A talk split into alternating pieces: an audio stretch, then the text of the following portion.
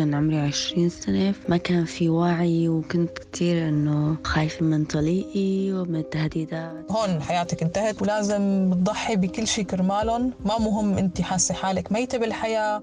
الأمومة كلمة كتير حلوة كلمة كبيرة بتحمل مسؤوليات كتير. فكيف إذا كانت الأم وحيدة؟ ما له علاقة ببنته أبدا؟ والحديث هي الآن.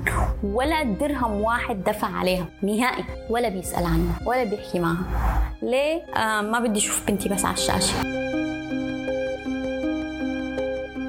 أمهات عازبات. سلسلة حلقات ضمن بودكاست صارت معي في موسمه الجديد. بودكاست صارت معي برافقكم فيه بالإعداد والتقديم أنا مها فطوم. كل يوم جمعة ابتداء من 11 فبراير شباط. الساعة الخامسة مساء بتوقيت الإمارات على راديو الآن وجميع منصات البودكاست.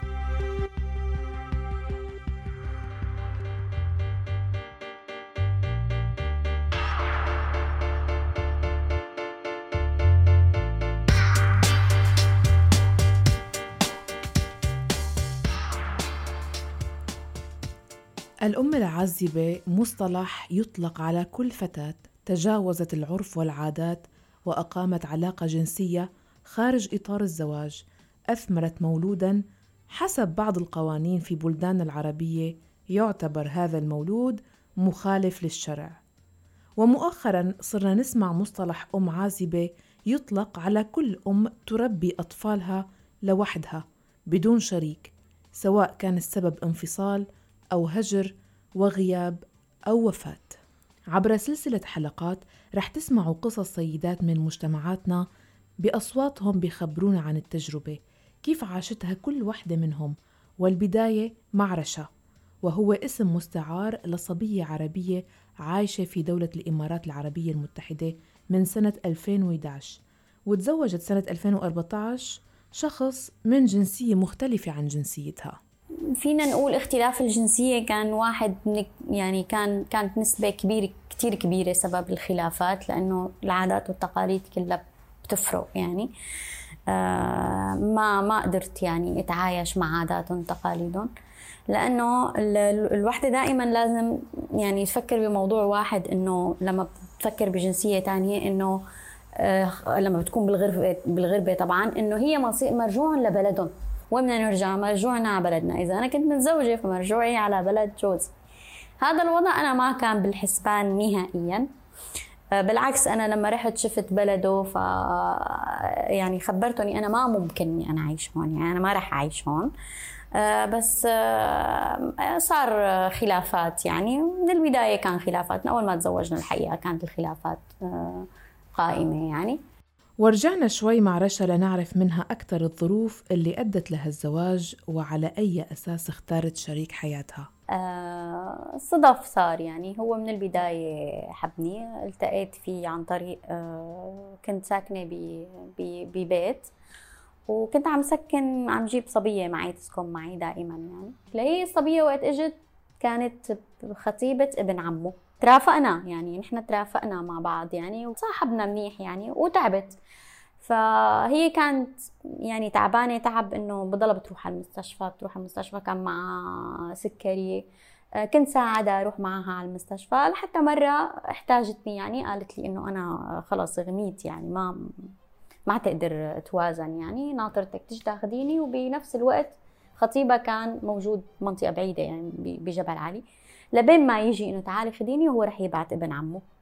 فالتقينا أنا وابن عمه.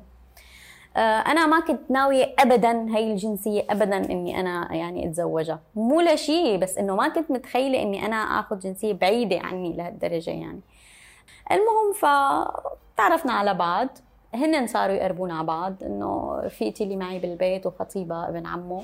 وهو من البداية حبني كثير وأنا بدي أعمل وأنا بدي أسوي بتعرفي وعود قبل الزواج وكذا كالعادة. ما فكرت. يعني أنا ما ما ما فكرت. أنا كنت يعني نوعا ما تعبانة. أنا أنا تعبانة بحياتي من البداية يعني.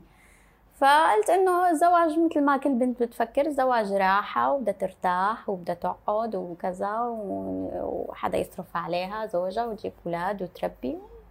الحياة العادية. أنا كنت عم بشتغل. وأنا حكيت يعني أنا أصلا يعني على قد ما خضت بالحياة أنا أكبر من عمري. بتلاقي حكي أكبر من عمري من زمان. فأنا قلت له إنه فيما بعد يعني أنا هلأ عم بشتغل بس بساعدك وكل شيء بس فيما بعد آه يعني أكيد رح يجي يوم مثلا احمل اتعب كذا حقعد من الشغل يعني فبدك تحط ببالك. كله طبعا كان يدق على صدره وعندي وكذا وما في مشكلة وهيك. وقبل الزواج تعرفت أكثر على بيئته في بلده. لما شفت ال ال يعني المكان اللي هو عايش فيه قال لي شو رأيك؟ قلت له لا. ولساتنا على البر. كنا قلت له لا ما فيني أعيش هون يعني ما ابدا ابدا ما فيني أعيش هون. آه ما حاول يقنعني قال لي أصلا أنا ما راح آخذ هون ما راح أسكن هون. هو منطقته يعني بلده بالريف كمان. فقال لي إنه فيما بعد بس الله يكرمني فأنا راح أشتري بيت بالمدينة. بيت بالمدينة نحن ننزل بالإجازات عادي. ما تخيلت يوم من الأيام إنه هو ممكن يعني يطلع من هون. وصار اللي أنا كنت متوقعته يعني إنه كنت بحكي إنه لازم الواحد يحط بباله إنه هو مرجوع ل مرجوع على بلد زوجها يعني. سألتها عن وجود أهلها بحياتها أهلي كان عندهم مشكلة بالبداية بس من من الأول أنا من قبل ما أسافر يعني أنا صاحبة قرار بوضعي مع أهلي. أه بشتغل من زمان وحتى درست المعهد وأنا وأنا عم بشتغل. وضعنا المادي ما منيح يعني. ف وسافرت واعتمدت على نفسي وكذا. فبعدين يعني قررت إني أنا أتزوج وحكى معاهم تعرف عليهم. وهو كان كثير حبوب يعني كثير منيح وبس من كثر ما ساوى صرت شك إنه هو منيح. عم نخبركم هالتفاصيل لنعرف من وجهة نظر رشا كيف وصلت الأمور فيها لتصير أم عازبة؟ السبب الخلاف المشاكل اللي نحن بيناتنا هن أهله. معتمدين عليه بشكل لا يوصف. لا يوصف. أنا إذا بحكي تفاصيل العالم كلها بتتفاجأ. بتتفاجأ إنه لهالدرجة. وهو الوسطاني. يعني في غيره اثنين وشباب. وهو منهم هون بيشتغل ببنك ووضعه المادي كتير مرتاح. لا بيعتمدوا عليه إله. وبيحبوه إله. يعني مثلا هن عندهم بمنطقتهم البنت بتجهز كل شيء من A تو Z كل شيء جوز أخته مرتين. جوزها طلقت ورجعت تزوجت مرة تانية. هو كان بالمرتين. المرة الثانية على أساس إنه على أخوه الكبير إنه المرة الأولى كان بس هذا زوجي اللي مسافر. المرة الثانية إنه الثاني صار مسافر إنه عليه ما دفع شيء ومبلا هو بالقصة. المرة الثانية أنا كنت موجودة يعني كنا المرة الأولى ما كنا متزوجين المرة الثانية أنا كنت متزوجة. اللي عمله لإلها ما عمله لإلي أنا. ونحن كان في عندي ظرف فما تزوجنا ما عملنا عرس عملنا حفلة صغيرة كتير كذا هيك ما عمل ولا شيء. ما تكلف بشيء عاداتي غير عاداته. عمل على عاداتي ما عمل على عاداتهم.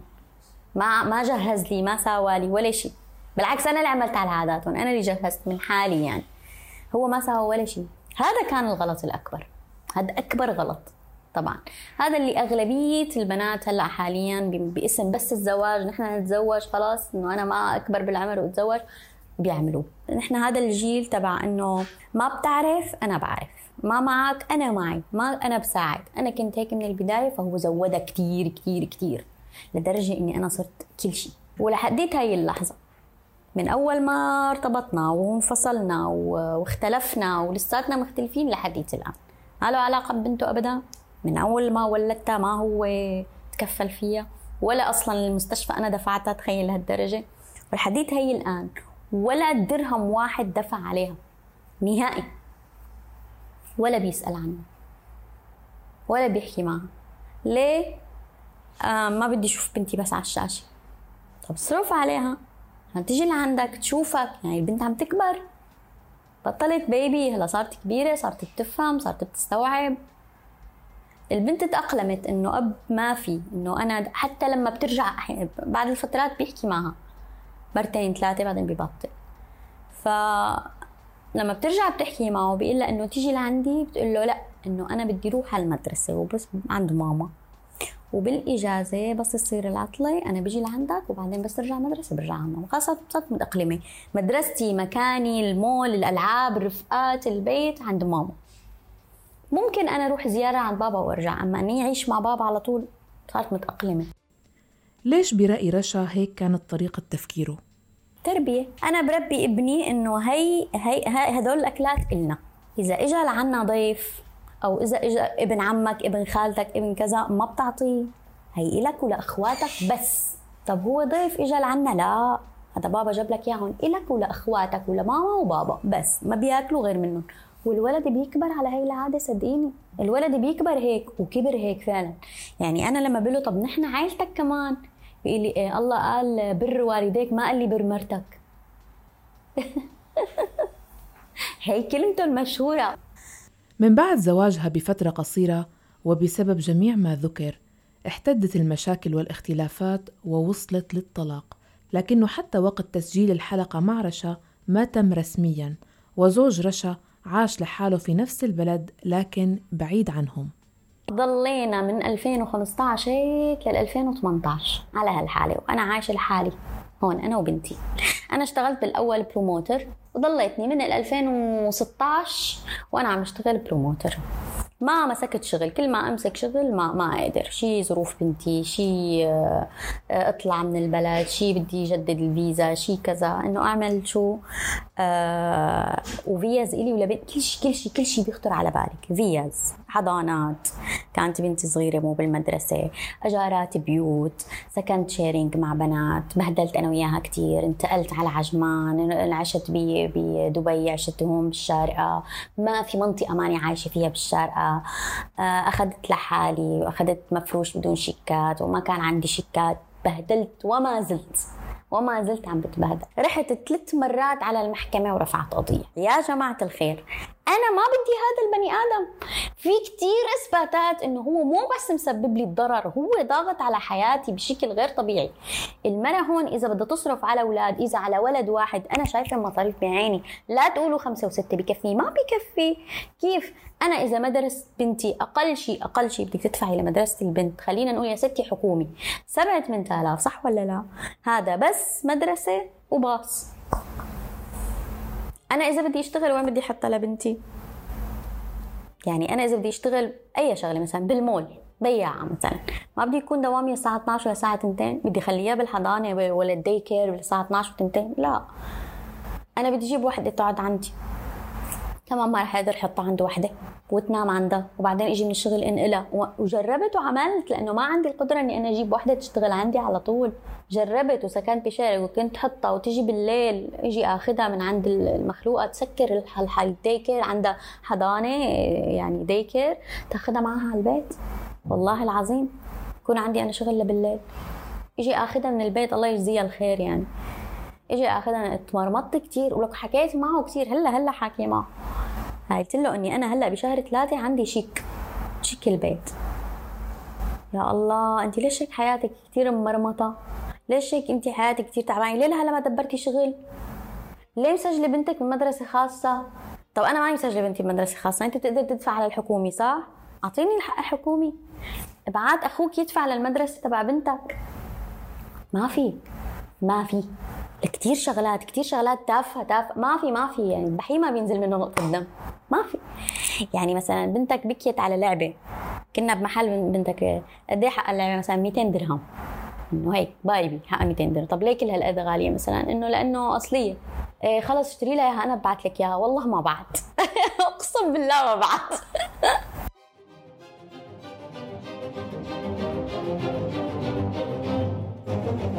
بالفترة اللي ضل فيها بالإمارات قبل ما يغادر ويرجع لبلده بشكل نهائي غرق بمشاكل في الشغل سببها وحسب كلام رشا استهتاره وعدم إحساسه بالمسؤولية. وهي حاولت كتير إنها تتطلق منه قبل ما يغادر نهائيا لكنه رفض وبده إياها ترجع تعيش معه لكن بشروطه. رفعت قضية كان هو هون بال 2016 طبعا صار ضرب.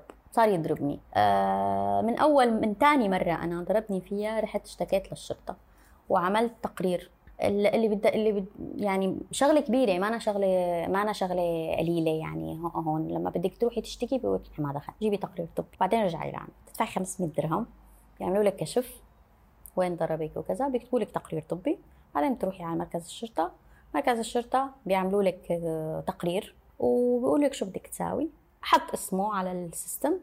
طلع له شو عنده مشاكل. يعني بكون معصب وضعه وكذا وهيك انت لا تستفزيه وهيك مع إنه على فكرة هو ما كان بالبيت. اختلفوا بحديث بيناتهم على الواتساب. يخص إنه ترجع لعنده على أثر الخلاف اجى لعندها مطرح مساكنة مع بنتها دق الباب أنا ما فتحت له. صار يدق الباب ما فتحت له الباب. بعدين فتحت له. أول ما ما مسكني ضربني. هو على فكرة الموضوع كان انه إنه ترجعي ما ترجعي هيك بس إنه أنا ما بدي. وشروطه هي شو ما صرفت على أهلي ما دخلك.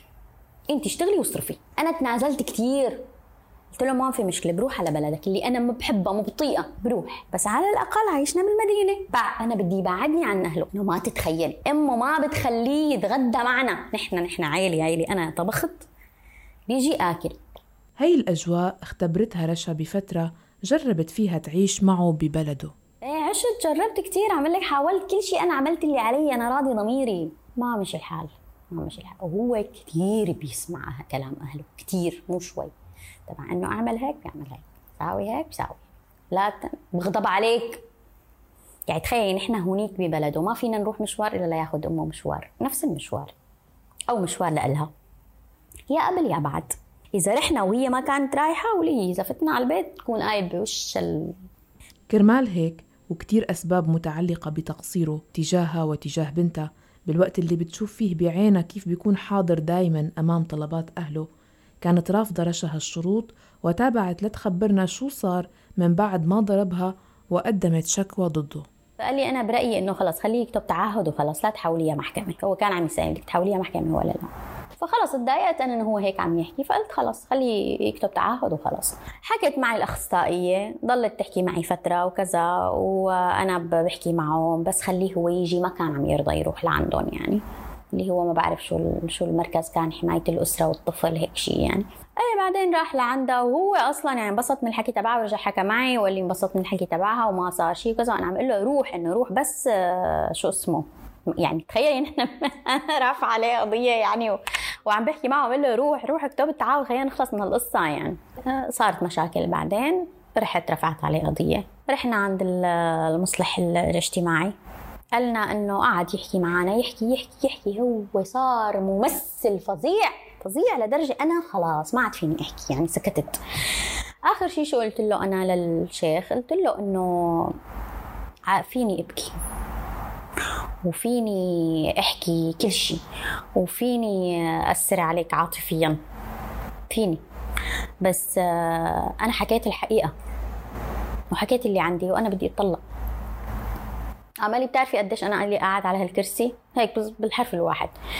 اللي صار لي 30 سنة على هذا الكرسي. بعرف من عيون الواحد إذا كذاب ولا صادق. على أساس إنك عرفته يعني مو معنى هيك على أساس إنه عرفته يعني. بدي أتطلق. بدي أتطلق. أنا بدي أعمل حفلة عالمية فيستيفال بدي أعمل لما أنا أتطلق. رجعت للمحكمة ثلاث مرات أنا. ياخذوني ويجيبوني ياخذوني ويجيبوني. أول مرة قال له رجع على البيت. ليش أنت لما بترجع على البيت راح جاب أغراضه ورجع على البيت. صار الخلاف أكبر بكثير يعني. وعلى نفس الموضوع نفس القصص تخانقنا يعني. قلت له خلص انتحر روح. كان بده يروح يوصل أخوه ما بعرف شو. ما بتروح بتدور على شغل أصلا أنت ما بشوفك عم تسعى. يعني والله العظيم الوحدة هو أنت عم تقولي لي مثلا شو الغلط. هو بده ياني إنه مثلا خلص اشتغلي أنت وأنا بس لاقي شغل بشتغل كذا هيك. إنه عيشي حياتك و... و... وبكرة مثلا الله بيرزقه مثلا ما هالسنة السنة الجاية وكذا. ما عم شو ما اشوفك عم تسعى.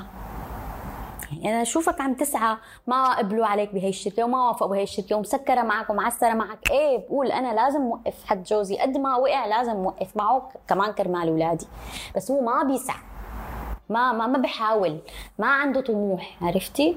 فأنا من البداية عودته هيك. أنا لما رحت ثاني مرة وثالث مرة على المحكمة ويوصلوا ل يعني يقول لك إنه أنا بقدر إني أنا أصرف على بنتي وعيش وكذا وأرفع قضية وأدفع مصاريف قضية ما بقدر. حاولت كثير أتواصل لجمعيات كلهم بدهم ورقه طلاق أنا مشان هيك بدي أتطلق. بدي بدي أشوف حياتي خلص يعني يعني شو شو من كانت تكون؟ أنا ما حاطة جول بحياتي إني أنا ممكن أرتبط مرة ثانية ابدا. أنا في عندي رسالة وبدي أديها اللي هي تعليم بنتي. أنا أعطيها شهادة سلاح بإيدها. بس إنه هي بعد عمر طويل تقول الله يرحمك يا عمي اعطيتيني هالشغله يعني ممكن يكون نصيبي أنا يجي بعدين ما بتعرفي. يعني أنا مو من الناس اللي فكرني أنا بدي ضلني أعيش حياتي لوحدي. بالنهاية بنتي رح تكبر تصير في إلها حياتها وجوها وأنا ضلني لوحدي. وأنا عشت لوحدي ولسه لوحدي الحمد لله. بس انه بدي احصل على الطلاق. بدي خلص أعرف أنا وين. أنا هلأ شفتي كلمة لا معلق أو لا مطلع أنا لا معلق أو لا مطلع كثير بيفتحوا مساعداتهم الدولة كثير يعني. وللنساء بيعطوا أكثر من إنه عائله مثلا متعسرة أو شيء بس آه، بدهم ورقة طلاق. أنا ورشا أخذنا الحديث وصرنا نحاول سوا نحصر وين المشكلة الأساسية مع والد بنتها. هي اختصرتها بالآتي. هو ما بيطلع مصاري إلنا وإله ولأهله هو بيطلع مصاري إلنا وإله مثلا عرفتي؟ أو إله ولأهله فهو ما بيحط لنا إحنا بهاي الخيار هو دائما الخيار إنه لازم أهله يصرف عليهم. وبينكر بقول لا طب وين مصاري؟ طب ليه ما بتصرف على بنتك؟ كل مرة نرجع بيكون مثلا هادي الرحمن هيك بنرجع بنتحاكى وكذا وكل شيء. بقول له يا أخي بنتك لا تدخلها بمشاكلنا. خلي في صلة بينك وبين بنتك. هلأ بنتك ما ما بتستوعب كثير بكرة بتصير تستوعب تفهم تصير تقدر تحكي معها كل شيء بالحياة. فعم تكبر بسرعة اكسبها. أنت ما عندك غيرها اكسبها. بقول له طلقني روح شوف حياتك. يعني خلينا ننفصل بطريقة صح مشان يضل في خط رجعة في بيناتنا طفله نحن بحياتنا ما رح ننفصل للآخر. خلص. خلي بيناتنا ود. خلينا ننفصل بسلام. شوف أنت شو بدك تصرف على بنتك اصرف تكفل بالمدرسة لها ألف درهم بالشهر لها المدرسة لها نص المدرسة لها مدرسة الحكومة قد ما بتكلف ادفع نص أجار البيت اللي بدك إياه ادفعه خليك عم تتواصل مع بنتك بنت بسرعة عم تكبر بصير تروح لعندك. لا أنا ما دخلني أنت مو قلتي بدك تكوني مسؤولة عنها؟ تصرف لي. بعدين أنا مين قال لك إنه أنت ما بتقدري تطلقي هي المحاكم مليانة قدامك؟ روحي على أي محكمة اختاري عمر بنتها حاليا ست سنوات. وللأسف ما في علاقة وتواصل دوري أو متفق عليه بينها وبين والدها. تعودت لأنه هي من البداية ما في اب بحياتها. يعني هي ل 2018 هي كانت صغيرة. يعني مواليدة 2015 شهر 9 شهر 8 2015 فهي ما وعيت عليه. أول مرة شافته يعني وعياني عليه آه لما رحنا لعنده على البحرين بال 2018 بحياته كلها صارف عليها سنة واحدة. اللي رجعنا فيها لبعض بال 2018 عاشت سنة واحدة بالبحرين حياة أسرية حقيقية طبيعية. أنا في الصبح بروح على المدرسة برجع بيجي بابا بيتغدى ب... ب... بنعيش حياتي أنا وأمي بالليل بيجي بابا يوم الخميس بنطلع مشوار أنا وبابا وماما.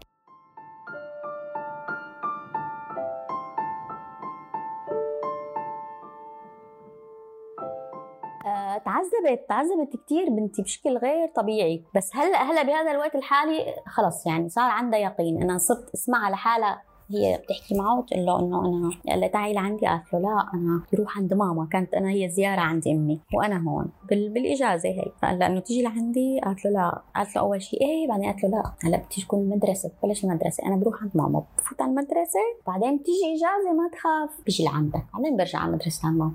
بس إنه نعيش مع بعض ما بتقترح. يعني أنا أم وأب وكل شيء كل شيء أنا لبنتي وأخ وخالة وكل شيء كل شيء يعني أنا بنتي هلا بتضلها بتقول أنا بدي إنه ماما إنه أنا بدي little sister طب أنا ليه ما عندي little brother كل رفقاتي عندهم إخوات إنه هيك كثير بتحب. ما بتسأل إنه ليش بابا ما موجود. تأقلمت أنا ما أقلمتها وما علمتها. كل ما بتسأل عنه بالله ما عنده نت خربان تليفونه. ما بس هي تأقلمت إنه ما بيحكي معها لأنه هو بس يرجع يحكي معي يومين ثلاثة بتصير هي بتدق له ما بيرد عليه. هو رابط البنت بحياتنا. أنا اختلفت أنا وأمك ما عاد تحكي معك ونحن على طول مختلفين.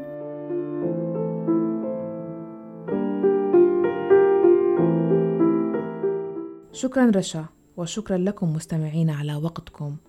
قبل ما نختم بدي خبركم شيء حول وضع الأم العازبة ببلداننا العربية. السنة الماضية 2021 بشهر شباط فبراير حصلت مقابلة مشتركة على إحدى الإذاعات المحلية في سوريا جمعت مدير عام الأحوال المدنية في سوريا أحمد رحال بالمحامي أحمد الخير. أثارت هالمقابلة جدل كبير بالشارع السوري لأنه تم التطرق فيها لحالة الزواج المختلط بين مسلمة ومسيحي. واعتبار هالزواج باطل حتى لو لو تم العقد خارج البلاد مع إمكانية تسجيل المولود على اسم والدته بالسجلات الرسمية. وقال أحمد الرحال تحديدا أن الزواج بين مسيحي ومسلمة يعتبر باطل ولا يتم تسجيله بالمحاكم لاعتباره مخالف للقوانين السورية. وأضاف حتى لو تم إبرام عقد الزواج بالخارج فلا يمنحه الصيغة التنفيذية محلياً. وشرح مستشار مفتي الجمهورية السورية باسل قس نصر الله بحديث لوسائل إعلامية إنه أنظمة الأحوال الشخصية بسوريا مستمدة من الشريعة الإسلامية يلي ما بتجيز الزواج بين مسلمة ومسيحي. لكن في حال تم بالخارج فالأم تبقى عزباء في السجلات. موعدنا بيتجدد الأسبوع القادم بحلقة جديدة. لوقت ضلوا بخير وإلى اللقاء.